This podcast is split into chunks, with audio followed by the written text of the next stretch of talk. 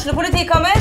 Ine Jansen er purk. Er du purk? The motherfucking bitch. Alt jeg vil, er å finne ut hva som skjedde med mannen min. Jon Carew. Er jeg sikta for noe? Iben Akeli. Det er du. Ole So, Lars Berrum og Big Daddy Karsten. Hvem sin side er du på, egentlig? Anette Hoff, Tone Danielsen, Kommer du fra Afrika? Jørnis Josef, Nesten. Kløfta. Trond Espen Seim, Det er synd å si det, men det var feil mann som døde. Purk. Premiere tirsdag på TV2 Play.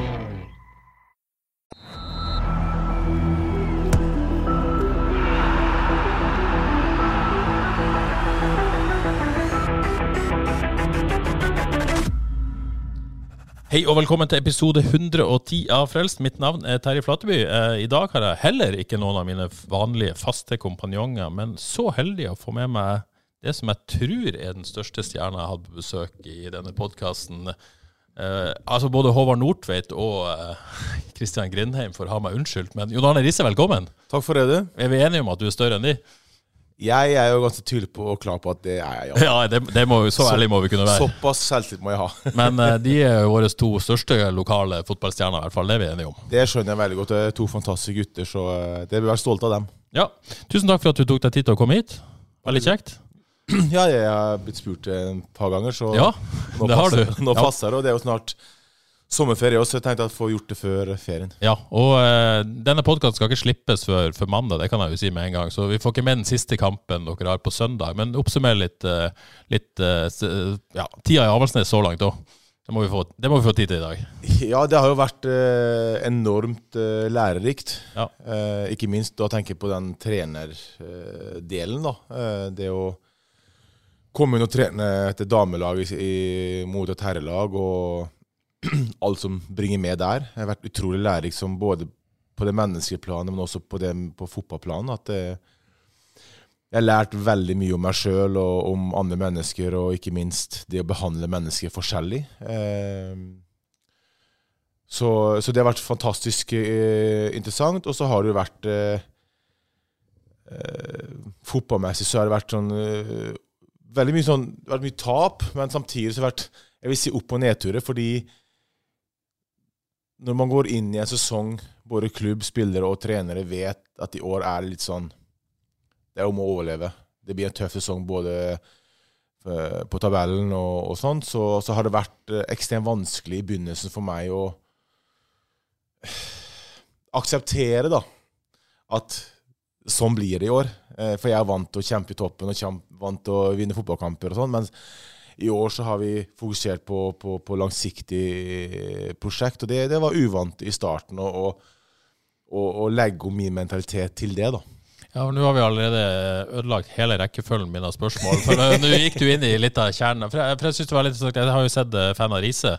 eh, og jeg tenkte på det, du som på en måte vant til å vinne, vant til å på en måte ha den greia. eh, og, og være så eh, Ha den vinnermentaliteten, som man jo må ha, selvfølgelig.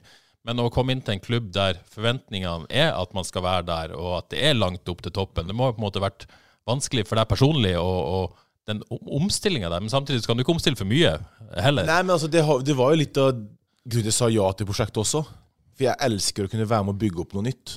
Eh, så eh, når klubben kontakta meg, så, så var det ganske klart og tydelig på at det er det de skal nå. Eh, så de var åpne og ærlige om det at det blir et år med et par år med, med et prosjekt hvor å bygge opp de, de unge spillerne vi har, prøve å få inn noen nye, men liksom ha veldig mye, mange lokale i, i, i laget, og i stammen i laget. Så jeg, jeg visste jo hva jeg gikk til, og det var det som liksom pusha meg til å ville ha den jobben her, fordi jeg har lyst til å være med på noe, bygge opp noe, få til noe på egen hånd. Eh, men det er klart, når treningen starter og treningskampen, så, så var det ikke så vanskelig, men når serien starter, og alvor starter, da sleit jeg litt. For du vil jo vinne hver kamp. Altså, Vi legger jo en plan for å vinne hver fotballkamp, selv om Jeg må jo det. ja, vi gjør jo det, og jentene, jentene har vært fantastiske fra dag én. Og de står på og trener som, som aldri før. Så, vi, så vi, vi legger en taktikk, både jeg og teamet mitt, om at vi skal vinne neste fotballkamp. Og, og jentene er jo klar for det, men vi vet jo også at på papiret skal ikke det være mulig å vinne den den, den kampen. Men i fotball vet man aldri. Så, og har, mot de topp tre lagene så har vi vært langt unna, utenom nå mot uh, Brann sist og også Rosenborg på hjemmebane. Men mot de andre lagene så har det vært ganske jevne kamper, så vi er ikke langt unna. Nei. Uh, men for deg personlig, da, Jon Arne. Du, ut fra det jeg har sett, måte, både det du har sagt i media og, og på Fan av Riise, så virker du på en måte kanskje omstille deg litt sjøl òg.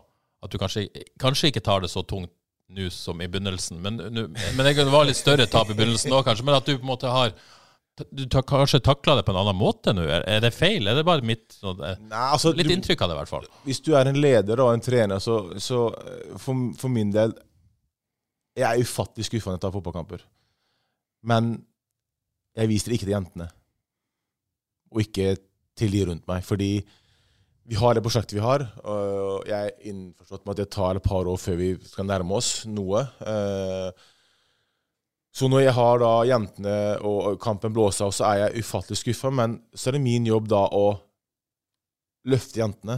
Og hvis jeg da kommer inn i garderoben og er ufattelig skuffa og lei meg forbanna og sint og, og, og viser det tydelig, så hvordan skal jeg løfte jentene da?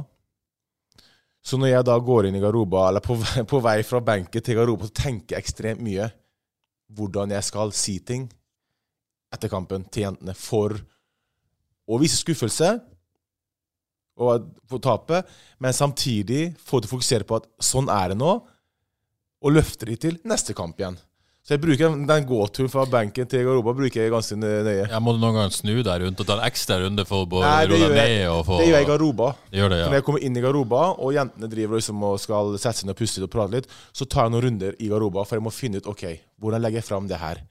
Ja, Merker du på en måte følelsen i garderoben òg litt før du sier noe? Du, Ja, ja. Jeg kommer inn og Det jeg utfordrer gruppa mest på nå de siste ukene, er at de må begynne å sette større krav til seg sjøl og til hverandre. Og det, med det mener jeg at det skal ikke være nødvendig at jeg kommer inn etter kampen eller i pausen og kjefter eller sier noe hvis det var dårlig. Det bør de kunne gjøre sjøl, med hverandre. Men i starten så var ikke det der. De var litt sånn beskjedne. og Vi har et ungt lag. Når jeg starter med to 16-åringer, to 17-åringer og tre 18-åringer så er det- Jeg kan ikke forvente at de skal kjefte på Karina Sævik. Nei. Men de kan gjøre det allikevel, skjønner du hva jeg mener? Så, så siste uken har vært veldig sånn på det at eh, de må eh, tørre å si i pausen om du er 16 eller 25. Sette krav. Vær forbanna på medspillere. Og det har de blitt mye bedre på nå. Ja, Så du ser på en måte framgang på, på den biten der, da? Altså, jeg ser Den vinnerkulturbiten, da? jeg ser framgang på alt mulig. Og det som har vært litt synd i starten, eller de første kampene, var at vi fikk ikke vist hva vi kan. For jeg har jo sett på trening hva jentene kan. Uh, vi har possession og spilleøkter og, og løpeøkter, og som, så jeg tenker fy fakeren, de jentene her kan spille. Uh, men så har det vært litt høye skuldre i kampene. Litt sånn føle på presset, og ikke få ut det de, de er gode for. Uh, og derfor veldig gledelig når vi har sånn som Rosenborg hjemme, hvor vi taper to dødballsmål. Men det var veldig stor framgang. Og ikke minst Brannkampen hjemme, hvor vi, de skårer i 93 minutter, og vi ha straffe før det. Så da, får vise, da, da sa jeg til jentene Ser dere hva som bor i det laget her, når alle er på topp? Men så er det så vi varierer så mye fordi vi er så ungt, at det vil variere prestasjonene våre. Men der så vi toppen vår, at vi kan faktisk slå de beste og spille bra mot de beste hvis alle er på og gjør jobben. Så det jeg utfordret på, var For de var jo slitne etter kampen mot Brann, selvfølgelig. Og da sa jeg så det her kreves i hver kamp. Så sliten skal det være i hver eneste kamp, og da kan vi vinne fotballkamper. Men fra de, de, de TV-klippene så virker det som en balanse. For jentene, de skal, eller s- spillerne, skal få lov å være skuffet. Samtidig så prøver du å bygge de opp, og de nesten virker litt irriterte. At du på en måte ikke, så, altså, ikke virker så skuffet. Så det, det må jo være en vanskelig balanse å finne den der eh, Hvor skal du legge deg, liksom? Så har du jo kjefta på de òg, selvfølgelig. Og det, altså, sånn er det jo. Nå har ikke, nå har ikke kamera vært alle kampene, da. Nei, det, det er sant. Det er et godt poeng. Men jeg, merker, jeg er ikke noe annerledes fordi kameraet er der, for jeg merker ikke at kameraet er der. Eh, så, så, så jeg er det sånn som jeg føler der og da. Men det er klart um, Det var meg én kamp eh, mot Anna Bjørnar hvor vi hadde jobba Vi tapte 3-0, eller de skulle ha tre mål før pause. Og vi hadde jobba hele uka at Anna Bjørnar har én ting slå i bakrom. Ja, så den. Og så går vi tre mål på det. Og da ble jeg forbanna i pausen uh, at Og spurte om er det noe jeg ikke sier som ikke dere forstår. Fordi, fordi jeg spør alltid jentene både i pausen og etter kampen overraska motstandere med noe. Nei. Motstanderen gjør alltid det vi har jobba med, alltid det jeg har sagt det kommer med. Og rommet er akkurat samme plassen jeg har sagt det kommer til å være rom på. Men så er det jentene som må få det til å funke. Og, og, da, og da husker jeg pausen at jeg begynte kan fortelle at jeg begynte å snakke sånn rolig. Jeg, jeg er veldig rolig stort sett. Så jeg bare sånn, så sa jeg til jentene at jeg er normalt en snill trener, sa jeg. Jeg kjefter ikke, jeg tar det helt rolig. Og så bare stiger nivået, og så slår jeg hardt i bordet. Og du ser alle bare skvetter og hopper ut av plassen sin. For Det er første gang jeg har gjort. Ja, ja. Og da var jeg forbanna. Eh, og da var ikke kameraet der, da. Men, eh, og så, så hadde vi en veldig god andreomgang, og, og, sånt, og da responderte jentene. Men da er første gang jeg liksom har vært, vært sånn skikkelig forbanna, fordi hvis ikke jentene gidder, det, ikke, det har ikke noe her å gjøre. Det har vel en bedre effekt når du ikke gjør det hele tida? Når du først eh, Jo, men jeg, altså, vi trener ser jo bak resultatet. ikke sant? Vi, både jeg og Roger, som da er min assistent, og, og, og mitt team rundt med fysisk og, og fitnesscoachen og keepertrener og utviklingsansvarlig, vi tenker jo mer langsiktig. Vi ser bak prestasjonene med tanke på ok, klarte vi å gjøre det og det? Har de tatt steg? Vokste de på det? Så vi må tenke litt sånn, og ikke bare resultat.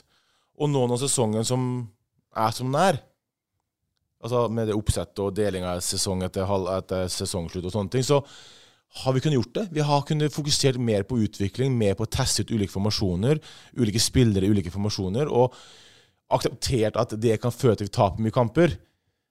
Og det er derfor også jeg prøver å løfte jentene med, fordi det er prosjekt vi driver med. Det er ikke nå vi skal være gode. Ja, Så selv om dette seriesystemet er ganske mislikt av, av alle, så har det sånn sett vært bra for dere? Og, Jeg misliker det ekstremt mye, uh, men for meg i år har det vært gull. Ja. Og det har jeg vært tydelig på at for mitt lag og, og mine spillere og sånne ting, så har det vært gull å kunne ha, få 18 kamper nå med litt Jeg kaller det treningskamper, men det er jo ikke det. Men det er liksom litt uten konsekvenser. Eh, sportslig da, så, så står dere med, med 13 kamper, to seire, én uavgjort til ti tap. Um, Kåre Grøtland, som, som pleier å være her og følge Avaldsnes til høyest, han hadde veldig lyst til å være her i dag, han fikk ikke anledning. Han, han mener, han måtte si, sitte meg at han er imponert over det dere får til, egentlig. Og, og, eh, og eh, prestasjonen, om dere klarer å holde dette laget i toppserien. Og, og det er vel ambisjonen? Altså, må, Akkurat i år, da. Ja, altså, eh, vi har jo spilt eh, Selv om resultatene er som det er, så har vi spilt gode fotballkamper. Vært jevne med sånn som Stabæk eh, hjemme tapte 1-0, var ganske jevnt. Lyn tapte borte 3-2, og, og 2-2 hjemme vi ble vunnet. Så, og det er liksom det vi, vi Hvis vi glemmer de topp fire, da, iallfall de topp tre, men topp fire De seks andre lagene har vi spilt jevnt mot. Alle. Og da er litt mer på rutiner, litt mer på å erfare at du vinner den kampen istedenfor å tape, eller kanskje få ugjort istedenfor å tape. Det håper jeg får løst da til vi deler sesongen. Men eh, målet før sesongen var å ikke rykke ned. Ja. Og det er klart I fjor sleit laget og holdt på å rykke ned. Eh, I år har vi et mer urutinert lag enn i fjor, så det sier seg sjøl at vi kan ikke forvente å være enda bedre enn i fjor. Men jeg føler ikke at de spiller bedre og har tatt store steg fra jeg starta til nå. Så jeg håper at det fortsetter fram til da alvoret starter. Og så er det sånn at uh, her lokalt så, så vet vi jo kanskje dette, som du sier nå. Ja, ikke, ikke nasjonalt. Men, men nasjonalt så, så er kanskje den kunnskapen for så vidt naturlig nok Ja. kanskje til stede. Er det vanskelig på en måte? i- Veldig. I, ja. Det frustrerer meg fryktelig, og jeg blir litt forbanna òg, fordi som du sier, de lokalt her, både supportere, sponsorer og media her, og alle rundt, vet hva Avaldsnes holder på med nå, og situasjonen i klubben. Eh, og, og det er veldig takknemlig for at de forstår, så jeg slipper å kjempe mot lokale folk også. Men nasjonalt så er det sånn at jeg snakker med journalister etter fotballkampene og forklarer de situasjonen. Og de, ja, vi, vi vet, vi skjønner det, det er helt øh, nydelig. Og 17-åringer og 18-åringer, fantastisk, men de skriver aldri om det. For de vil ha klikk, de. De vil jo at Riise skal mislykkes. De vil at Riise skal skape, skape klikk på sakene. deres. så, selv om journalistene jeg snakker med, vet situasjonen i ASS og hva vi driver med, så driter de i sakene sine. Her snakker vi om at når vi tapte jeg tror det var 2-0 mot øh, Lillestrøm hjemme så tapte vel eh, Anna Bjørne et annet lag 7-0 eller noe sånt, samme serierunde. Hvem var det skrevet om? Det var sannsynligvis Ny krise for Riise. Ny krise for Riise, ja. Ikke? Istedenfor at et annet lag taper syn, så er det rise. Altså, det er ikke krise å betone mot Lillestrøm. Vi skal tape mot Lillestrøm på papiret, men bare for å få klikk. Og det er sånn så det er litt sånn frustrerende, men jeg, for meg er det lokale viktigst, og, og at folk her ser hva vi jobber med.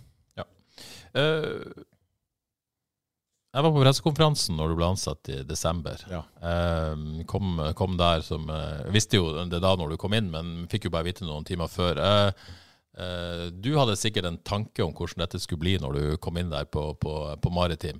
Har det vært sånn som du trodde, eller har du fått noen ha-opplevelser underveis? Eller hvordan, Eh, for du hadde jo sikkert en ganske klar tanke om hvordan Ja, dette skulle bli. det har vært eh, mye bedre. På, på hvilken måte? Jeg er blitt ekstremt glad i jentene. Nå er jeg veldig sånn følelsesmessig person, da, men eh, jeg digger jentene på laget. Og det, Ja, For da har du ikke truffet noen av de ennå? nei, nei. eh, nei, jeg hadde ikke truffet noen av dem, for ingen av dem visste det. Uh, jentene på laget fikk vite det fem minutter før pressekonferansen, at det var meg. Uh, at jeg skulle bli så glad i jentene og så engasjert i de, uh, var litt uventa. Så jeg er veldig sånn jeg, Når jeg er borte fra Haugesund, så, så savner jeg å være på, på, på, på Skeie, på brakka. Og jeg savner å være med laget. Og se de, bare det å være sosiale med de, trene de, prate med de. Eh, Jeg savner de hele tida, og det Og så har det også litt at eh, Fordi det jeg ikke, det jeg ikke visste nok om, var nivåforskjellen i toppserien på de topp tre-fire og resten, kaller det da. Eh, Den er nok større enn jeg trodde, selv om jeg fikk jeg fortalt det. Men samtidig så er små marginer skal til det blir veldig jevnt også. Så Og så visste jeg om lojaliteten til jentene er større enn hos gutta, og det der. Det har jeg fått bevist, at jentene mine de, de nesten for lojale. Eh, Jeg skulle ønske at av og til de stilte spørsmål, eller ja, det gjør de. De stiller spørsmål, men mer sånn at hvis jeg har, vi har lagt om en taktikk da, og sier gå høyre, så går det høyre ti av ti, istedenfor av og til å ta en venstre. Hvis du skjønner? Eh, så det er litt for lojale, men det er jo bra, det også. Ja. Eh, men det er klart, jeg tror jentene også var veldig sånn spent på når jeg kom, fordi jeg har spurt jentene i etterkant hvordan, hva de trodde om meg. Og alle trodde at jeg var mye mer streng og mer bestemt og litt sånn Ikke så sosial, da. Det har de tatt ganske kraftig feil. Ja. Men, men det er kanskje ikke så rart hvis de har sett eh, Hvis de varmer opp med å se Fan of Nei, og, og, det, ja. og det har jeg sagt at Og, og der, jeg tror det har jeg lært mye av sjøl også, å se meg der når jeg, hvordan jeg var i Fan av Flint. Eh, og det har jeg nok lært litt av meg sjøl. Jeg var nok litt for kravstor der med tanke på breddefotball og hva jeg krevde og sånne ting. Og litt, jeg tror jeg var litt for aggressiv. Eh, så jeg har lært mye av det.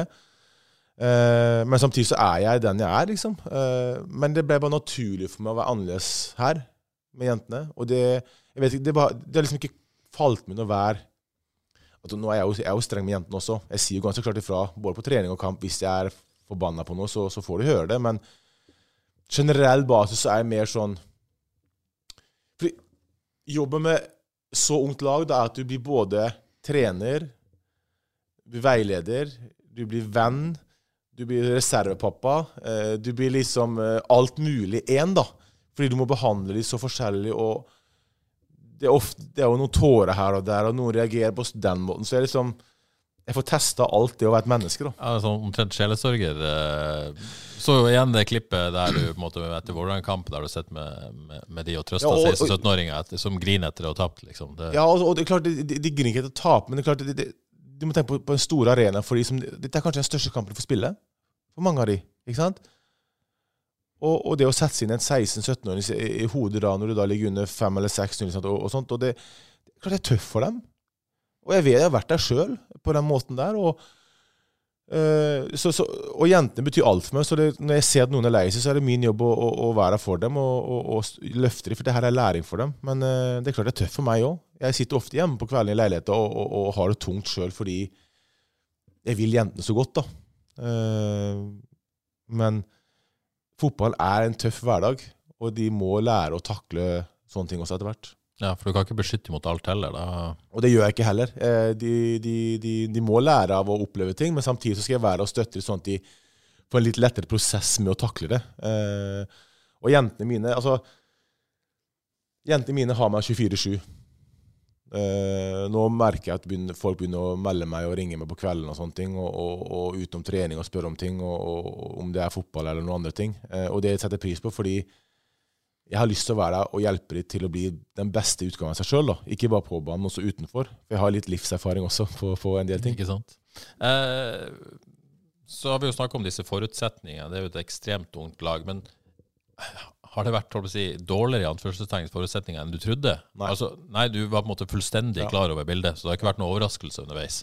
Vi, vi er en klubb som Og jeg er en trener som, som liker å utvikle ting og starte ting på nytt. Ehm, og jeg syns jentene har virkelig steppa opp når jeg, når jeg kom. Uh, det er altså, Det er jo noen kamper som, som, som jeg sa, som vi burde ha vunnet. Så, og da har ting sett helt annerledes ut. Men det er ikke så farlig akkurat nå. Uh, så lenge jentene gjør jobben og, og, og presterer, så, så, så, vil det komme. Men uh, eh, det er klart, det å, det å, jobbe mot å få nye spillere hit er nok tøffere enn jeg trodde. Og det har jo ikke med altså det er selvfølgelig med økonomi å gjøre, men det er faktisk pga. Eh, beliggenheten. Ja. Eh, og eh, litt historien til Avaldsnes. Eh, så jeg må da hva, hva, mener du med historien til Avaldsnes? Nei, altså, det jo det med å bruke mye penger ikke sant? Eh, for mange år, noen år tilbake. Det å gå ut høyt og love ting som ikke skjer nødvendigvis. Eh, men så er jeg opptatt av at når jeg da skal få nye spillere til å komme, så må jeg ha noe å selge inn som, som de Og da jeg leter etter spillere som tenker på utvikling enn bosted. Altså, jeg tenkte ikke over at jeg skulle flytte til Haugesund. Det brydde meg ikke et sekund engang, fordi jeg har en drøm om å bli trener på det og det nivået, og da er det her et steg til det. Og jeg vil ha spillere som tenker akkurat sånn. Så når jeg da kontakter spillere før sesongen, og eventuelt nå i sommer for å forsterke, så snakker jeg med agenter og eventuelt spillere, og da er det det å selge at jeg vet hva skal til for å bli god. Her får du til en egentrening. Du blir passa på hele tida. Jeg er en trener som er til stede 24-7. Og her utvikler vi spillere. Bare se på historikken, hvor mange vi har gitt til både landslag. Nå kom Karina til EM. Uh, Selma kom til EM for jente 19. Vi har to på jente 17 som har vært i EM. Uh, så vi er gode på det. Uh, så hvis du er en fotballspiller som har lyst til å utvikle deg, tenker på din karriere, så er Avaldsnes. Her får du spilletid, du får spille toppserien. Kom hit. Ja, og for det med bosted, det, liksom, det klarte man å betale seg litt ut av før, ja. men det har man ikke mulighet til lenger. Så ja, vi skal det ikke heller. Nei, nei, ikke sant? Man skal ikke betale mer for å få folk til å komme. Hvis ikke en spiller har lyst til å komme hit fordi hun tenker på utvikling og spilletid og, og hjelpe et lag, da vil ikke ha henne. Så, så enkelt er det. Uh, og, og, jeg har noen spillere i kikkerten nå som jeg, jeg, jeg har lyst til å, å, å, få hit nå i sommer. Uh, hvor ting ikke er lett, men hvor jeg har en sånn en tanke hvordan jeg skal prøve å selge inn. Og så håper jeg at de spillerne jeg kontakter, ser verdien av å komme og trene og spille med meg. Og Angående spillejakten, hvordan går den? Er, det, er dere nært noe? eller hvor mange Nei, altså Vi er ikke nært sånn, en eksakt spiller, men uh, både jeg og Roger og, og teamet rundt meg har nok Vi har en del navn på blokka som, som vi har satt opp sånne ulike kategorier og posisjoner og sånne ting. Uh, men det dreier seg om tidspunkt, for det, nå er det jo eh, hvem, hvor lang kontrakt folk har. Vi må jo kontakte klubber først, og diverse. Eh, men jeg har noen, eh, noen, favoritter som jeg veldig har lyst på, som jeg, som jeg har sett kommer til å kunne gi både meg og laget og klubben et løft. Og ikke minst så vet jeg at de spillerne jeg har tenkt på, eh, kommer til å ta steg, flere steg sjøl også, før de eventuelt går videre. Så eh, det blir mye prat nå. Nå har vi jo Nå er det på mandag, men vi har jo da cupkampen, da. Eh, igjen før ferie. Og jeg kaller det ferie, men det blir jo ekstremt mye telefoner. Det blir mye jobbing med, med spillelogistikk? Ja, mye jobb med spillelogistikk. Og gå om de kampene vi har hatt nå, hva som vi må jobbe mer med når vi kommer tilbake. For da har vi jo tre uker med oppkjøring, og så er det noen kamper før det virkelig starter. Eh, så Men ja, det, det, noen forsterkninger håper jeg får. Så det blir jo sikkert noen telefonmøter og Teams-møter med noen sponsorer og litt her og der. Litt finansiering her og der, kanskje? Altså, Alle klubber trenger Skal du, skal du løfte deg og ta steg og, og bli bedre, så, så, må man ha støtte fra folk som støtter klubben. Ja. Har dere satt noe om hvor mange spillere dere skal inn, og hvilke posisjoner, liksom? Eller er dere litt mer åpne? Vi er nok ute etter én i hver posisjon, egentlig. Ja. Keeper har du vært åpen på? At, uh, Vi ser etter både keeper, uh, midtstopper, uh, sentral midtbane og, og spiss. Så, men jeg vil gjerne ha spillere som kan spille flere posisjoner. Så for Hvis du ikke spiss, kan du spille kant. Midtbane kan spille sentralt og innløper. Midtstopper er bare midtstopper. For det, det her er manko på. Og dere har jo på en måte lagt om til tre stoppere òg nå. Det virker som det har vært en suksess. Selv om dere ikke måtte ha vunnet etter det, så virker dere mer solid. Ja, vi, eh, det, vi, te vi tenkte på i starten, men vi hadde ikke stoppere. Uh, så vi har prøvd 4-3-3, 4-2-3-1 uh, tidligere. Og så uh, tenkte vi at ok, siste kampen, la, la oss prøve. Fordi vi, vi, fant ut at vi vi slipper, inn, eller vi slipper for mye sjanser på kantene. Vi blir litt for strekt i bakre firer, så vi la om til fem. og det har fungert eh, i alle kampene, egentlig. Sånn, eh, vi er mer solide defensivt, vi er mer trygge, vi har mer folk fremover. For vi har to wingbacker, både Hanna Dahl og, og Selma, som, som er mer wingbacker enn backer. Og når du har, de to kommer som lyn hver gang, og vi har to spisser i tillegg, så ikke Karina blir helt alene på topp der, vi brukte henne mer, og en innløper. Så vi har liksom, For å ha én og to i boks, så er det plutselig fire og fem. Og det gjør mye offensivt. Samtidig så har både Hanna og spesielt Selma maskin nok til å løpe tilbake også. Og uansett, vi har tre stoppere der. Så vi, som lag mye tryggere. Uh, så må jeg spørre, før vi, før vi gir oss med Avaldsnes-segmentet her uh, Denne overgangen fra å være herretrener til dametrener, uh, det var jo på en måte nytt for deg. Mm. Har, har, det vært, hvordan har det vært sånn? Vi har jo snakka litt om det, men har, har det vært vanskeligere enn, en du trodde, eller? Nei, altså, jeg, som jeg sa når jeg signerte, så jeg setter jo samme krava Eh, til både profesjonalitet og, og, og innsats og, og altså på trening. Så, men at nivået på noen ting er forskjellig, det er bare naturlig. Men det tok jeg ganske fort, så det var ikke noe problem. Men, eh, og så er jentene mye mer lojale til, til liksom planen og, og, det trenerteamet har lyst til å, å, få fram. Eh, største forskjellen sånn sett er vel kanskje følelsesmessig. At eh, jenter av naturlige årsaker er ja, mer følsomme på, på Viser i hvert fall det. Viser kanskje ja. mer følelser mm. mye fortere. Mm. Både med tårer, men også med kroppsspråket. Uh, men nå kjenner jentene såpass godt at jeg kan se på en spiller hvis det er noe. Så da kan jeg heller gå bort til henne uten å si noe, og bare ta det før det kanskje slår sprekker, da. Og spørre hva er greia. Være i forkant, rett og slett. Da. Ja, være i forkant. Og, og det har jeg lært nå. Så nå men da begynner jentene å bli mer trygge på meg også. Mm. Eh, på at de er ikke en sånn som er ute etter noen. Nei, men, Og dette er jo kanskje ei side av deg som du ikke fikk brukt så mye i Flint. Jeg mm. Syns det er fint å liksom få brukt den sida av deg? I, i er jo, jeg er jo veldig følelsesmenneske. Ja. Jeg bryr meg veldig mye om andre, og det, de rundt meg vet jo det.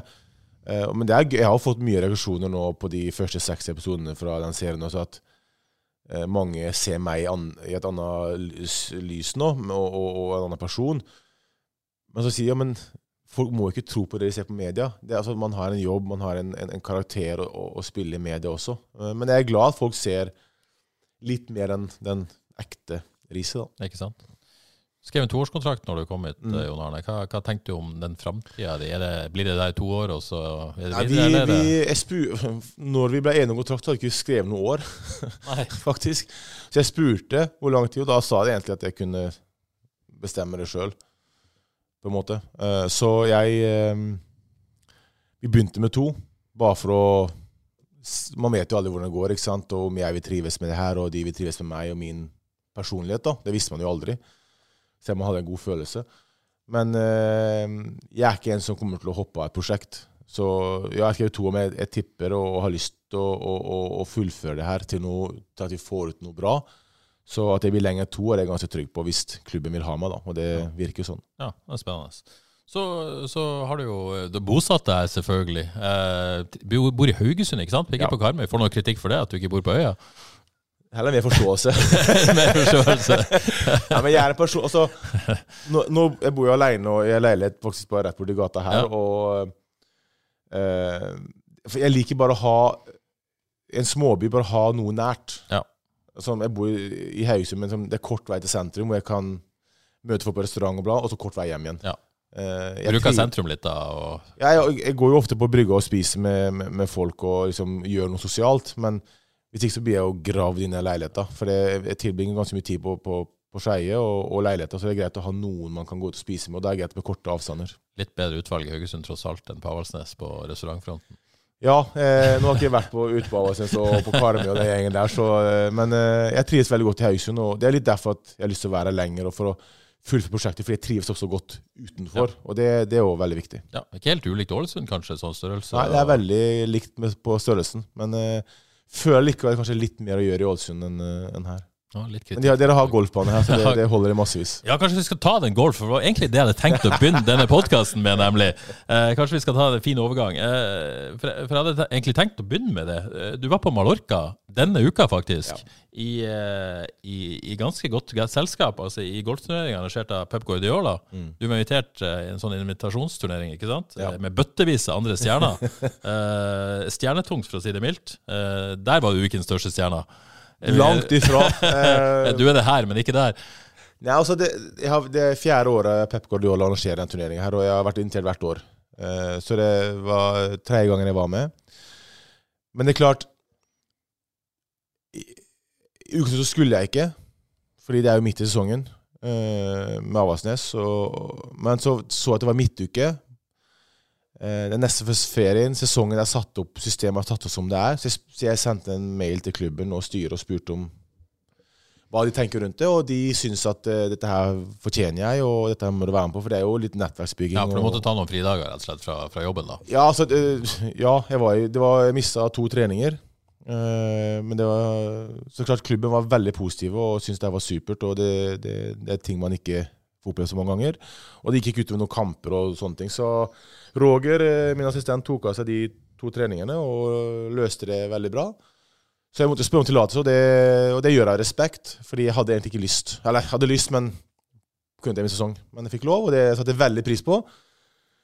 Og det er som du sier, at når du kommer dit og liksom Tre dager med Pep Guardiola, Gianfranco Sola, Laurent Blad, Pepe Reina, eh, Clemente, Batistota Altså, det er navn som du Det klinger godt. Ja, det klinger godt, og så blir det sånn at Hva gjør jeg her, liksom? For jeg er ikke sånn som ser på meg sjøl kanskje på det stadiet, men så er jeg der likevel. Hvis, altså, det er litt sånn rart å si det, fordi jeg har ikke blitt invitert hvis jeg ikke var det. Nei, nei. Så eh, nei, det var fantastisk tre dager med fint vær, mye golf og gode, fine middager. Og masse historier på både norsk, nei, på både engelsk og noen dansker der også. Fransk, italiensk og spansk. Så det gikk i mye språk. Hvordan er du i en sånn setting der du på en måte ikke er det største navnet? da? Finner du deg til rette og mingler? Ja, vi har- er, det liksom, er det en naturlig setting for deg? Ja, men ingen av oss som er der, tenker at vi er store stjerner. Nei. Vi er, en vi er en familie. Så vi, vi er ekstremt sosiale, morsomme, behandler alle med respekt, og vi kan kødde med hverandre. Jeg husker vi var på Rafael Nadal sitt museum, hvor vi fikk sånn spesialomvisning på eh, trofeen og. Og da var det et lekerom der hvor det var sykler. Og så var det sykler, og så var det en babysykkel. Og så ropte jeg på Gianfranco Sola. 'Sola, perfekt sykkel til deg!' Ikke sant? Og jeg er jo så liten. Men bare, man kan gjøre sånne ting, da.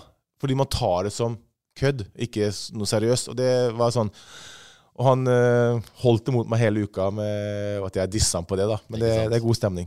Rakk du å på en måte snakke noe sånn trenergjerning med noen? og Ja, ja. Vi og mye, jeg snakka mye med en del Pep- Pep Guardiola og, og, og Sola, faktisk, om Men det går litt mer på hvordan de planlegger uk, treningsuker, uh, hvordan de jobber mot kamper. Og det er ikke noe hokus pokus. Vi gjør akkurat det samme, vi. Vi planlegger hver trening, vi planlegger hver eh, uke for til neste motstander. Klart, De har mye større team, ikke sant? Når du har fire assistenter og seks analysefolk, så, så, så, Litt forskjellig verden. Blir litt forskjellig verden på den måten, men det, måten å planlegge uke på, treningsuker på, inn mot kamper, taktikk mot kamper, er ganske lik det. Men det vet jeg jo, for jeg har jo vært på det nivået sjøl, så, så, så det er ikke noe nytt der. Forskjellen er bare at størrelsen på teamet rundt er ganske forskjellig. Ja, det var greit å ta fri fra to treninger i Avaldsnes for å diskutere litt fotball med Pep Guardiola. Ja, det var aldri, De var aldri negativt det, så jeg fikk ja med en gang. Så det var jeg veldig glad og takknemlig for. Og det ga meg litt sol, litt energi også. Så så jeg på, på, på Facebook at du skrev at du vurderte å ta dette konseptet hjem til Norge. Er det, er det noe du faktisk planlegger? Ja, vi, vi, vi, jeg, snakka med, med en del av de og viste de noen golfbaner og hoteller i Oslo-området og i Norge. Så um, neste sommer så tipper jeg at en del kommer til Norge. Du tar det ikke til Karmøy? Altså. Se om det er fine golfbaner. Så jeg føler liksom at det er ikke så mye å gjøre her eh, utenom golfen. Nei, det var det. det, var det. Du eh, har jo fått noen lyttespørsmål, og noen av de går på golf. Skal jeg bare ta de nå, rett og slett. Espen Froestad lurer på hva som er den beste golfbanen på Haugalandet. Altså, Nå har jeg ikke spilt alle så mye, men uh, jeg, jeg likte veldig Sveio-banen. Den syns jeg var fin. Uh, utfordrende. Den, den dagen jeg var der, så var det ekstremt med vind. Så, og det er jo naturlig her på Haugalandet. Ja. Uh, så det gjorde det vanskelig, men akkurat nå syns jeg den var ekstremt fin. Ja. Og så er det noen som har lagt merke til at du har vært ute med PK Bråtveit og, og spiller golf. Ja. En så, og det er vel å lure på hvor god PK er. Og er han eventuelt bedre enn det? Han øh, er ikke i nærheten av meg enda, såpass må jeg si. Uh, utrolig fin type, men han er ganske Eller ikke ny, ny men han uh, er ekstremt ivrig. Og kommer til å bli veldig god, for han er en vanvittig bra sving og, og, og slår langt. Uh, men det, det, er litt varierende. men jeg gleder meg til flere runder med han, for han kommer til å bli god. Ikke sant? og så kan jo ikke jeg noe om golf, men Christian Bredal spør hvor høyt foretrekker du peggen, og pegger du alltid på ti? Peggen er liksom den du legger ballen på. Ja, det, det er jo... Eh, med driver så pegger jeg alltid selvfølgelig ikke så høyt. Det er variert hvor høyt du setter den. ja, for den er jo lang. Bakken, sant? Hvor, sant? Ja. ja. hvor mye du dytter ned ja. i, i, gresset. da. Ja. Med driveren på ti, eh, på ti så pegger jeg ja, passe høyt. Eh, men jeg tar ikke å pegge alltid, nei. Jeg Bruker jern, så varierer jeg med noen pegging, men eh, ikke alltid. Ja.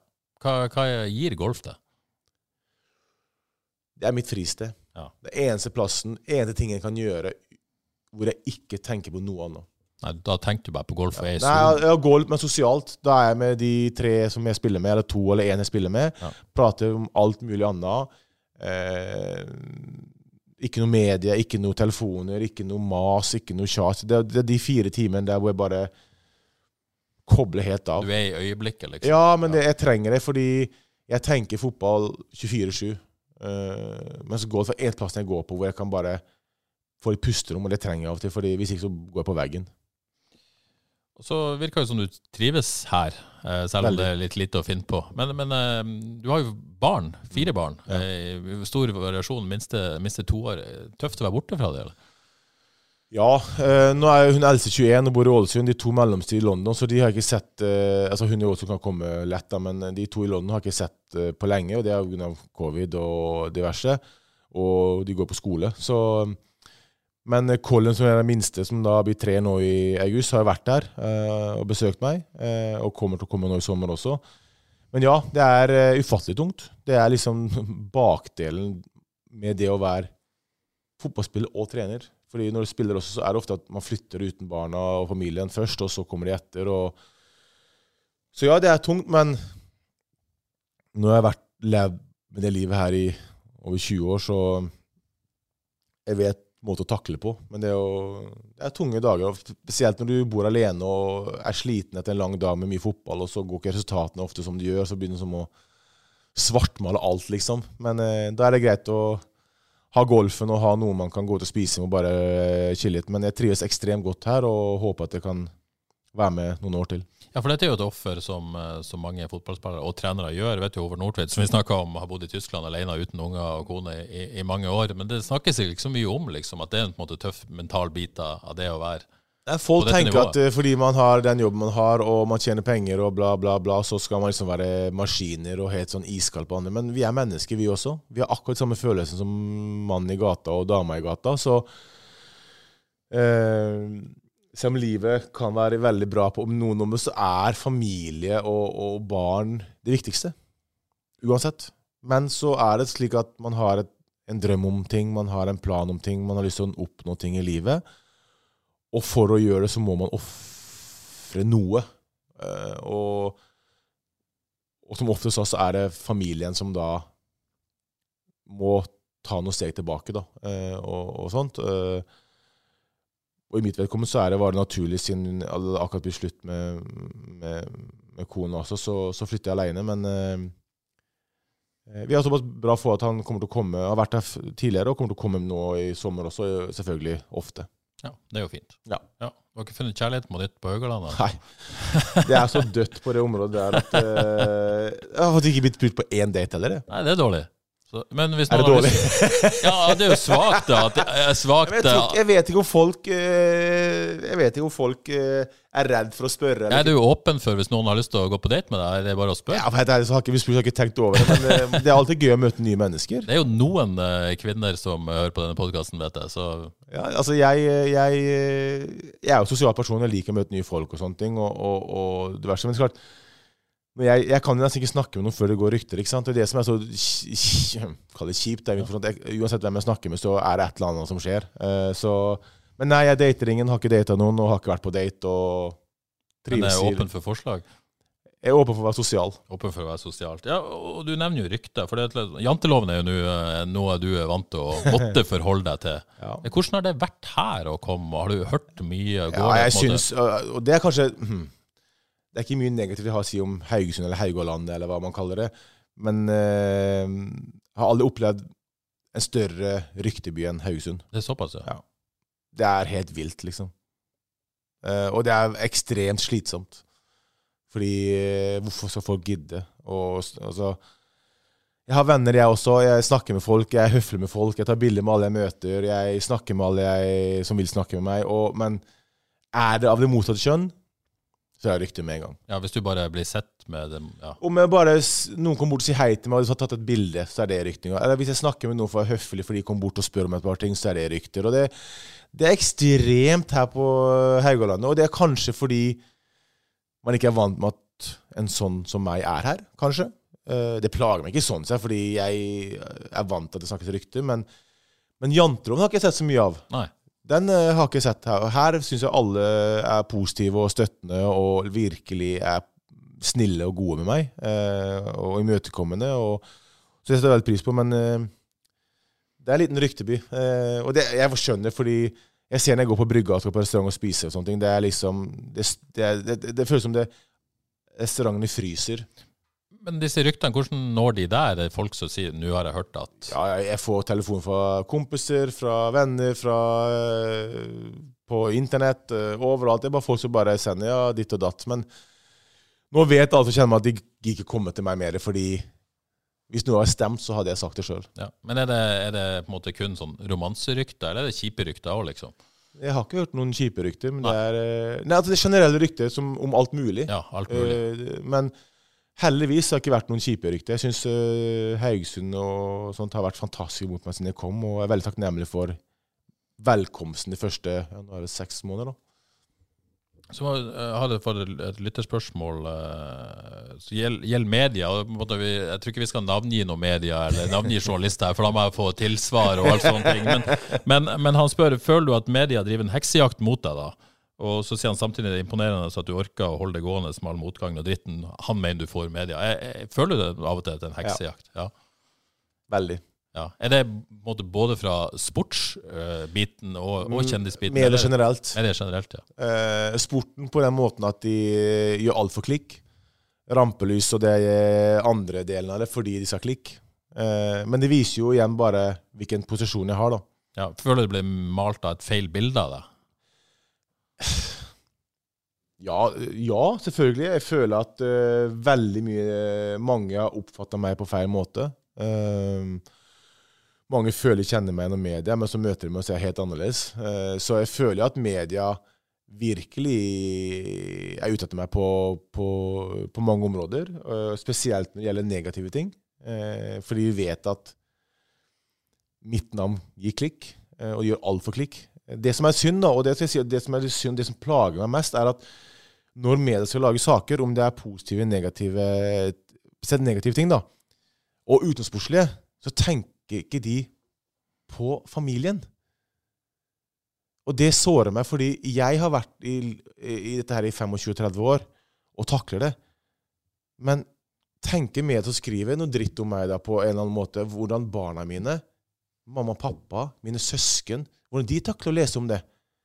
Altså, mine, min eldste har blitt mobba på skolen fordi pappas ting har blitt skrevet i media mens hun gikk på skole, og da kommer folk fra skolen og mobber henne for det. ikke sant? Og det slo meg når jeg la opp, at jeg hadde tenkt på det. Jeg bodde i utlandet, ikke sant? og utlandet så Fikk ikke med deg på samme fikk ikke med meg alt sammen. ikke sant? Jeg dreit i media, jeg takler det.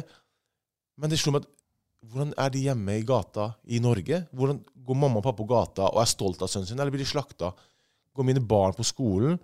Men det tenker jeg ikke mer på. De driter i mennesker og familien så lenge de får story. Og det har såra meg, og det har gitt meg forbanna, og derfor er jeg veldig sånn irritert på enkelte, vi skal ikke nevne navn, men noen, fordi de bryr seg ikke. Og jeg sier ofte, for jeg får jo alltid spørsmål, mail, om at ja, vi planlegger sak da og da. Og da har jeg ofte sagt det, men Hvorfor? Tenk på det og det, men de driter i det. Og det sårer meg. Ja, Rett og slett om, tanken for de rundt deg. da. på Ja, men så altså, er saken så viktig, da, for deg og ditt mediehus, at det kan, kan skape mobbing eller ødelegge noen i familien til den personen. Og det gjelder ikke bare meg, det gjelder mange andre også. Det tenker jeg med deg på, og det syns jeg er synd. Ja. Eh, Så, så, av og til, Du er jo på en måte veldig åpen. Du har jo ikke lagt skjul på at av og til er det vanskelig å være deg, syns du. Eh, sosiale medier, så har du blackout, og så, og så nå tar du pause og sånn. Er det eh, Føler du behov for å stenge av og til, liksom? Bare nå Jeg, jeg er jo åpen fordi Først så takler jeg det, det Ja. meste. Jeg har vært Ja. gjennom eh, mer medieskittkasting enn kanskje noen kan drømme om. eh, eller ikke hate, eller eh, ha mareritt om, for å si det sånn. Så jeg prøver samtidig å være en person som kan fortelle andre som kommer etter, hvordan ting er, og være åpen hvor tungt ting er. Og det er greit å ha det tungt òg, på et vis. Ja, og så Jeg har ofte tunge kvelder hvor jeg sitter hjemme alene og ser TV-en er på, men du ser i taket, hvor du er trist. Både fordi du savner barna, du savner ditt, og det, det er mye medietrykk, og det er mye negativitet i media som ikke er sant. Og, eh, og av og til så trenger man en liten timeout, eh, hvor man faktisk må bare finne seg sjøl. Og hva som er viktig. Men jeg er åpen og ærlig om sånne ting fordi jeg vil ikke at folk skal tro at man lever bare et perfekt liv. Eh, For sosiale medier er ofte at folk bare viser de gode sidene. Jeg prøver å gjøre begge deler. At jeg har det sinnssykt bra på noen områder, men så er det fryktelig tungt på andre områder også. Og da føler jeg at det må man kunne dele for at folk får forståelse for at vi er mennesker, vi Ja, for det er jo forfriskende. For mange, for mange sine sosiale medier er jo på en måte glansbilder. Det er ikke din. Og jeg syns det- og, og, og jeg syns sosiale medier for mange influensere er helt ræva. Fordi de skal bare vise hvor mye reklame og uh, sånt de har, og, og hvor fantastisk livet er. Og det blir sånn De lyver til følgerne sine. Jon Arne, vi må snakke om noe kjekkere. Karrieren din. Vi, Ja. kan ikke, vi kan ikke ha deg her uten å mimre litt. Eh, Da tror jeg jeg har fått mange lyttere på, på nakken. Eh, Helt sjuk karriere selvfølgelig som spiller. altså Ålesund, Monaco, Liverpool, Roma, Fulham. Var du på Kypros? Var på, i India et par ganger til og med før du, før du avslutta vel. Avslutta du i sportsklubben Rollon, står det på Wikipedia. Ja, men det er bare sånn eh, for moro moro med Ja, ja, ja. Eh, selvfølgelig eh, bøttevis av, av trofeer. Eh, flest landskamper i Norge gjennom tidene, 110. Eh, Espen Froestad spør eh, jeg, jeg, jeg aner jo svaret på dette, kanskje, men, men største opptur og nedtur i karrieren? da? Et åpent spørsmål. Det er et fint sted å begynne. Ja, eh, største opptur er jo da vinne Champions League. Ja, Mirakel Istanbul. Ja, 2005. Eh, for det, det var be endelig beviset. Jeg var jo bare 24 år på det tidspunktet vi vant den, da, men for meg var det det endelige beviset for at jeg klarte det. At du hadde nådd det målet du hadde Ja, altså, Jeg hadde ikke det målet da jeg var ung, for det var for langt å se fram og sykt å tenke på. Men jeg har et bilde hjemme hvor jeg holder trofeet oppe og kysser trofeet. Og da husker jeg tenkte meg sjøl akkurat der jeg kysser trofeet. I fucking made it. Ja, du husker faktisk det? Ja, fordi det var det øyeblikket jeg innså at jeg oppnådde det største jeg kan vinne. Så alt annet er en bonus. Og på det tidspunktet sa jeg til at hva som har skjedd tidligere i livet nå, og uten hva som skjer framover, bryr meg ikke. For jeg klarte det her.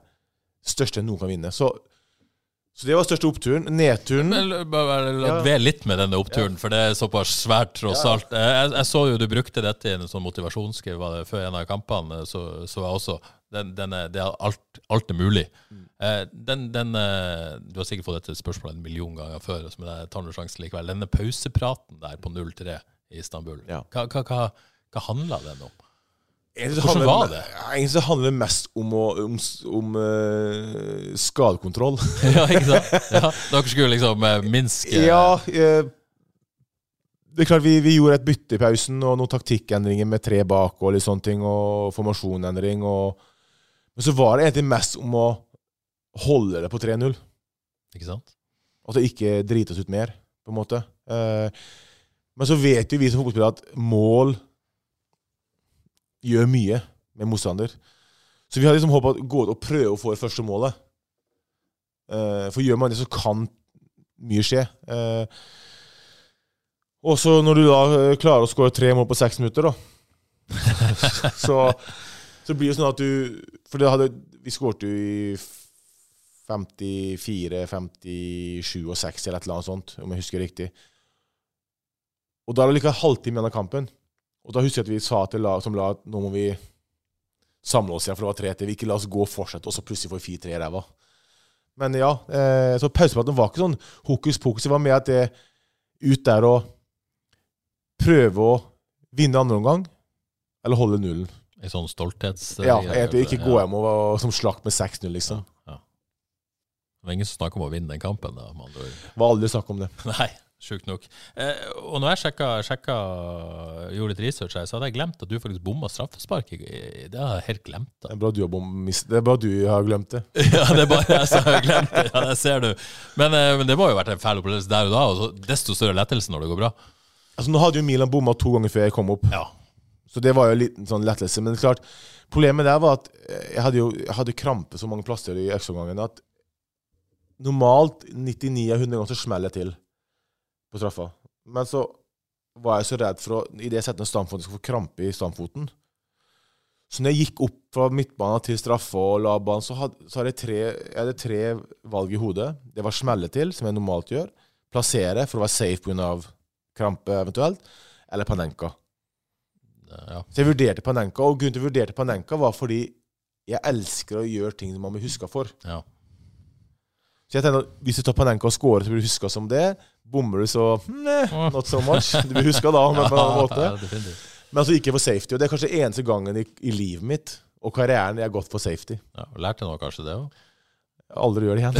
Aldri gjør det igjen, ja. Det var bra det gikk bra. Nedturen, da? Det måte Selv- største går det an å Selvmålet i Champions League semifinale mot Chelsea Ja. på overtid. Ja. Vi leda 1-0, det er første kampen. Vi leder 1-0. Jeg kommer inn etter 65-70 pga. Aurelia ble skada. Og så skårer sjømål i 94. minutt. Så blir det 1-1, og så er det turkampen, da, men det var eh, største nedturen fordi det ødela en ny finalemulighet. Vi var i finalen i 2007 også. Dette var i 2008, så vi kunne liksom få tre finaler på fire år, liksom. Eh, personlig nedtur, lagnedtur, fansen hata meg, det ble tagga på treningsfeltet. Alt mulig om meg. Eh, okay. Media slakta meg. Du kan tenke når, når du har 500 millioner seere, da. Du fikk virkelig smak bak baksida ja, da. det var, det var Den uka der før returkampen var Jeg var ikke ute av huset. Nei. Det var Hvordan takla du det da? Måte, Heldigvis- En mye yngre versjon enn Ja, men det var jo ikke sosiale medier på den måten som er nå. nei. Ikke sant? Så det var ikke Det kommer ikke så tett på, på et vis. da Nei, det var ikke Snapchat, det var ikke Instagram, og det var ikke alt mulig på den tida. Så du, du, du, du, du ble beskytta på den måten, da. Eh, men det var Det var noen tårer for de sånn, i noen dager der. Du er glad for at det ikke var sosiale medier på den tida? Ja. Øh, men jeg får smak på det i etterkant. Ja, ikke sant? Du, du har fått merke det etterpå. Det jeg merke på. Eh, fantastisk tid i Liverpool, selvfølgelig, med, med ikke bare mesterliga, vant FA Cup og ligacup osv. Eh, men vant alle serien. Eh, nådde ikke helt opp der. Er det liksom litt sånn at ikke det laget der klarte Ja, den, at eh, det men- først kom etterpå? Nå vant jo vi Jeg vant jo serien i Frankrike, heldigvis, Ja, så jeg, og på Kypros. Men det er som den i Liverpool og i Roma. For det var flere ganger, Vi hadde et par andreplasser, eh, både i Roma og Liverpool, som, som svei litt. Eh, men det var en periode sånn som i Liverpool, så var det en periode hvor eh, Chelsea var eh, enorme. Eh, og i Roma var da Inter var enorme. så liksom eh, Vi var nære, men jeg tror det svir mer for uh, Carriger og Gerrard, som er lokale uh, der. Vi, vi Jeg føler meg som en skaus, jeg også, selvfølgelig, men vi som kommer utenfra Uansett hvor mange år jeg har vært der, så har ikke vi samme connection til det og betydninga som, som, som f.eks. Gerrard og, og Carriger. Men uh, uh, ja, det var kjipt å, å ikke ta serie, for liksom det er en som mangla. Mm. Så har du jo vært i noen klubber, men, men Liverpool lengst vel. Er, det er, vel. er det den klubben du på en måte sitter igjen med, og det er ditt Ja. hjerte nærmest? da? Ja, ja, uten tvil. Men nå, nå fikk jeg godt forhold til alle klubber og alle supporterne, for jeg var jo en ganske ærlig spiller på banen, eh, og med fansen, ganske åpen med de. Eh, Men klart, syv år i Liverpool og sånn, så, så det gjør noe med deg. Og der jeg voksen, jeg er voksen, på en måte. Både som person og som spiller. Og der jeg er kjent i fotballverden, eh, både på hvilke mål jeg skåra, og at vi vant de trofeene. Så Liverpool vil alltid være hjertet mitt, og, og, og, jeg føler også at jeg er en spiller som Liverpool aldri kommer til å glemme heller. Eh, og nå har jeg fått egen vegg på, på, på Anfield også, Ja, det så det sier jo litt. Det sier jo litt. Eh, har du noe kontakt med det? Du Ja. Ja. Vi, vi Det som er med fotballspillere, er at fordi man skifter klubber og flytter fra land, og sånt, så, så man, man trenger ikke å snakkes på veldig veldig lenge. Men når man sees, så er det som det var i går. Og Det er litt sånn som en golfturnering også. Jeg har ikke sett Pep Guardiola sin i fjor. Jeg har ikke sett han og han sin i fjor. Når det kommer, så er det bare nesten til å hoppe på hverandre. Klemming og kødding og, og masse historier og på med golf og disse hverandre og, og sånne ting. Så, og det er, det er litt sånn fotballmiljøet funker, da. Det er klart. Uh, 110 landskamper, selvfølgelig. Mm. Uh, var i EM i 2010. Kom aldri inn. Nei, ikke i 2000. Ja, 2000 mener jeg, ikke i 2010. Uh, men ja, det er 2010 det var det. Men, eh, men fikk aldri sjansen der. Er det måte noe som du føler sånn, litt sånn at, at dere aldri kom til mesterskap med det laget? Ja, det er nok det som Ja, jeg var i EM i 2000, men var liksom mer som vannbærer Ikke sant? og læring. Men jeg følte jo Hvor gammel var du da? Jeg var 19. 19, ja. Jeg følte jo at jeg For jeg husker Vegard Heggen ble skada i andre kampen. Og, og, og da satte han inn Bjørneby på venstre, og, og Bellemo gikk fra venstre til høyre Ja. Jeg mente at det var feil, at jeg burde få sjansen da. Men det er jo bare sånn som jeg er laga. Men ja, eh, det å ikke gå til mesterskap med, med landslaget etter det får vi jo ufattelig mange playoffs og ting vi har Ja. nære. Og eh, noen kamper jeg ikke fatter at vi ikke klarte å vinne. Altså, sånn Keepertabber og diverse. ja, keepertabber og eh, ikke gode nok, og det var Så det smerter nok mer, eh, syns jeg, fordi på landslag så Er jeg på Liverpool og de lagene der, så er det så mange store. Liksom, og det er så mange eh, ting. Men på landslag var jeg der, den store. Sånn, jeg var en av de største. Kanskje sammen med Karev. Uten oss to, så var vi to som var de største stjernene. Og, og det da Det tar jeg med som personlig tap. At du føler litt ansvar for Ja, føler ansvar. Og, jeg prøver å si til media, for jeg fikk ofte etter media de børsene sånn Ja, bid, god derfor bidrar ikke offensivt. Men sånn, tenker jeg sånn, jeg er venstreback. Men jeg føler at media og folket forventa så utrolig mye av meg fordi jeg spilte i Liverpool og Roma. Skjønner du? Men så var jeg bare venstreback. Jeg, jeg skulle ikke diktere spillet og liksom styre spillet. Det var ikke min jobb. Skjønner du hva jeg mener? Ja, ja, og det, det syns jeg er vanskelig sjøl. Jeg vet ikke hva venstrebacken har fått beskjed om. Nei. Kanskje han har fått beskjed om å ikke gå over linja sant? fordi Ja. han er taktisk. Det vet du jo ikke. Nei. Og, og, da, og, og, så, og så blir du vurdert da selvfølgelig etter navnet, hvor du kommer fra, og spiller Liverpool og sånn. Du skal styre. Så det, det, jeg skjønner det, men, men ja, det, det, det er utrolig tungt å ikke kunne klare. Og det var noen playoffs som jeg ja, Jeg møter Åge Hareide ofte, eh, og når jeg møter ham, så er det liksom Samme. Det er noen tanker der. Det er noe det. Det skjønner jeg godt. Jeg må bare spørre India. Hvordan var det?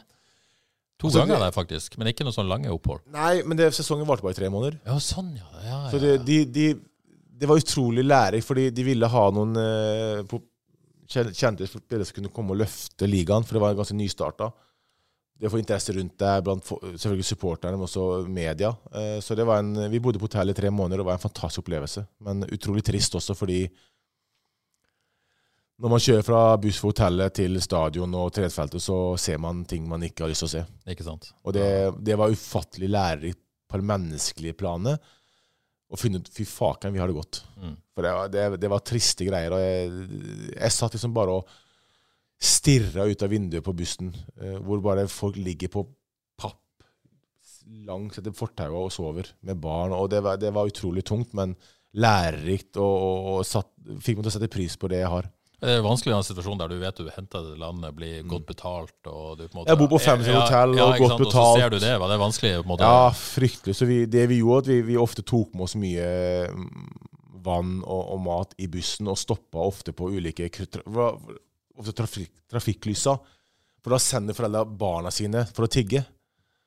Og da ofte vi tok med så mye vann og mat som vi kunne gi. Vi vet det er jo nytteløst, Ja. til syvende og sist. Men for oss havet, da, vi eh, prøvde å gjøre en, en, noe. Men eh, folk må huske at vi i Norge har det ekstremt bra. En del lytterspørsmål kommer litt Liverpool der òg, men vi kjører på det før vi gir oss her, Jon Arne. Ja. Eh, hvis du har tid. Ting. Eh, Fabian Jacobsen, er Marion Haugland det nye stjerneskuddet? Avaldsnes-spiller, Ja, for de som jeg lurer. vet. Eh, Ja, hun- ikke det der, men til lytterne.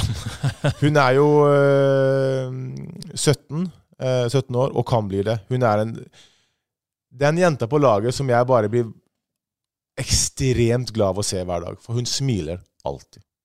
Hun klager alltid. Ja, hun klager aldri. Hun bare gjør jobben, og hun kan bli meget god. Rasmus Knutsen kom med noe som jeg også hadde glemt. Det er jo dårlig hukommelse. Men du debuterte altså som eh, i Eliteserien på Haugesund stadion Mm. i 2016. 3-0. Sjukt nok. Eh, hvor høyt rata du den i karrieren din, den kampen der? Han er FK-supporter, helt opplagt. Eh, nei, jeg kom jo tilbake og hadde hatt litt for lang ferie og var ikke, var ikke bra i god form. Så jeg, må- jeg måtte liksom trene meg opp og spille meg i form. Eh, så jeg husker jeg kom inn, og, eh, og det var Vi tapte 3-0. Eh, jeg husker kampen jeg kom inn som nummer ti. Eh, offensiv midtbane. Ja, stemmer det. Det Noe jeg ikke- var på den kampen. Noe jeg ikke ville. Nei. Men sånn er det nå. Eh, men det var en eh, tøff kamp, og Haugesund vant fortjent. Var fortjent. Det er vi vel enige om. Eh, Karl Arvid Sørdal lurer på faktisk topp ti kvinnelige spillere. Eh, fotballspillere. Men det er kanskje litt drøyt. Men eh, har du en topp tre, eller?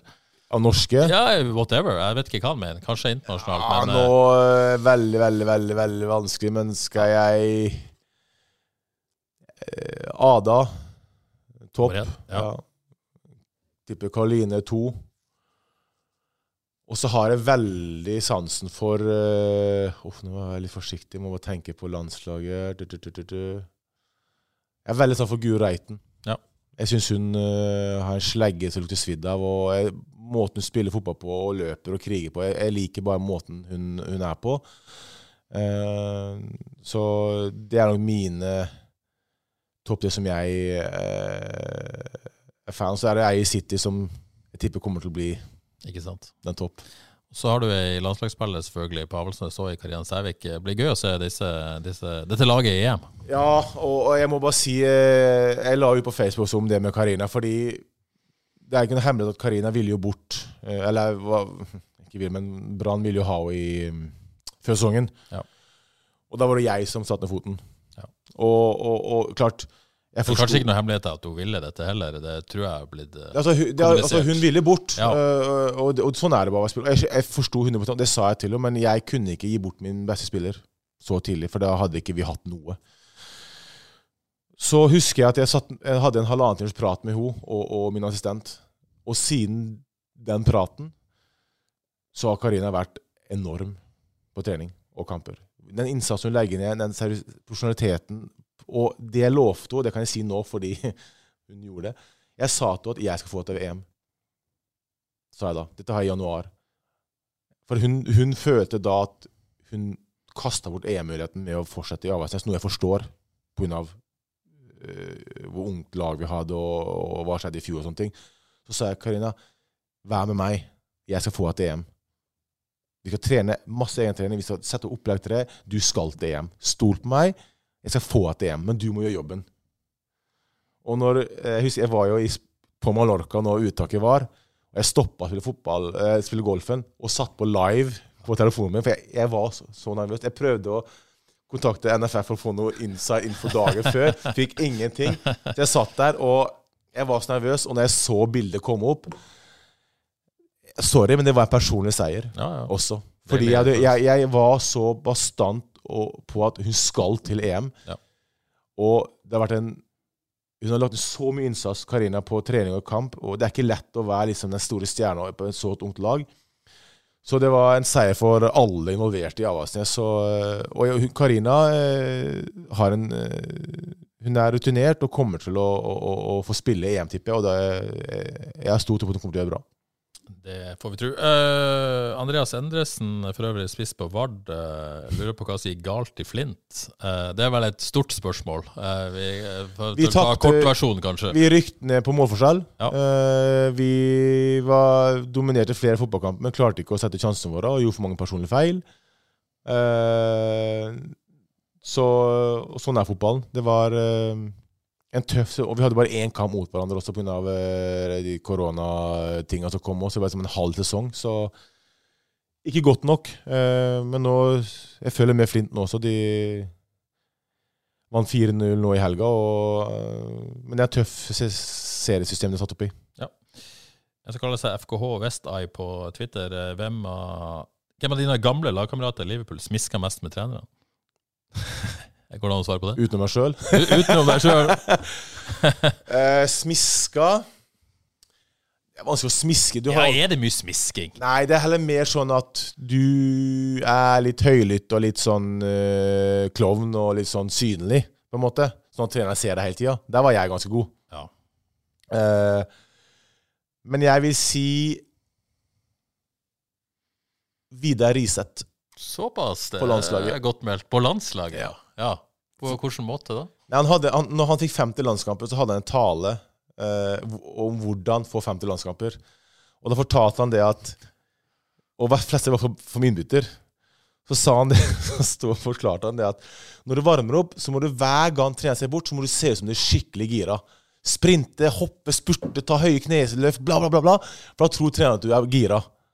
Og det, det var hans måte å få 50 landskamp på. Og jeg banner på han gjorde mye i klubblaget også. Så eh, jeg visste at han, der, han, han var god der. Unge fotballspillere, hør på Vidar Riise. Ja. altså.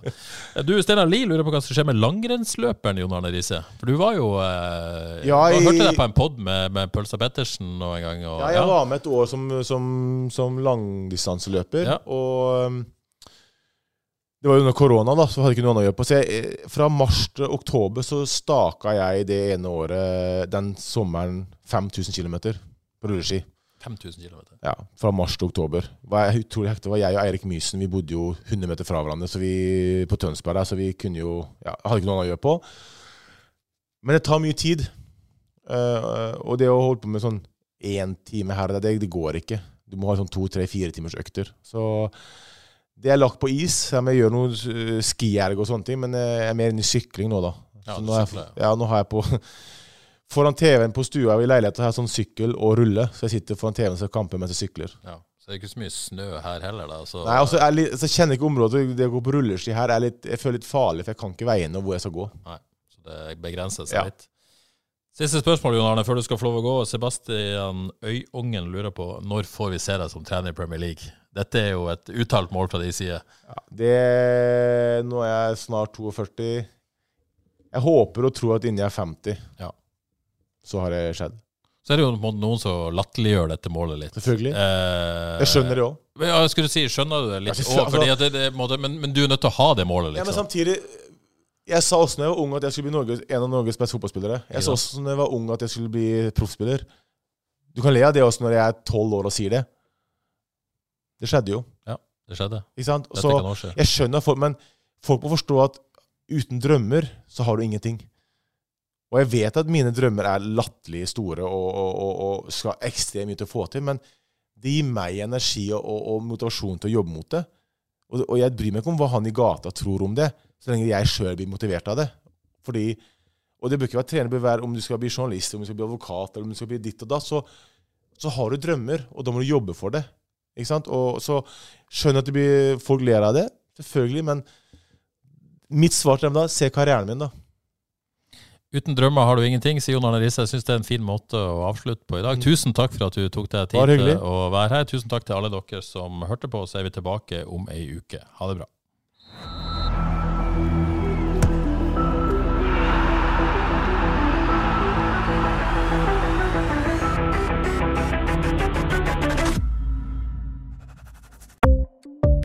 Ukens annonsør er HelloFresh. HelloFresh er verdens ledende matkasseleverandør og kan være redningen i en travel hverdag. Mange av oss har nok vandret i butikken både sultne og uten en plan for middagen, som ender med at vi går for de samme kjedelige rettene gang på gang. Middag burde være dagens høydepunkt. Som HelloFresh kan du nå velge mellom 25 ulike retter hver eneste uke, eller få HelloFresh til å sette sammen menyen for deg. Dette gir deg muligheten til å prøve nye og spennende retter alene eller sammen med familien. Du velger antall porsjoner og får alt levert på døren på et tidspunkt som passer for deg. Oppskriftene er enkle, og maten er lett å lage både for store og for små. Ved å få alt levert hjem får du også mer tid til å dele matgleden med familie og venner. Kanskje det frister med asiatiske tacos eller greskinspirert kylling? Da kan jeg anbefale deg om å gå inn på hellofresh.no. Her kan du bruke koden FOTBALL og få opptil 1779 kroner i rabatt på de første fem matkastene hvis du ikke har prøvd HelloFresh tidligere. Du kan også bruke rabatten hvis du har vært kunde og stoppet abonnementet ditt for tolv måneder siden eller lengre. Gå inn på hellofresh.no og bruk koden FOTBALL. Har du et enkeltpersonforetak eller en liten bedrift? Da er du sikkert lei av å høre meg snakke om hvor enkelt det er med kvitteringer og bilag i fiken, så vi eh, gir oss her, vi. Fordi vi liker enkelt. Fiken superenkelt regnskap.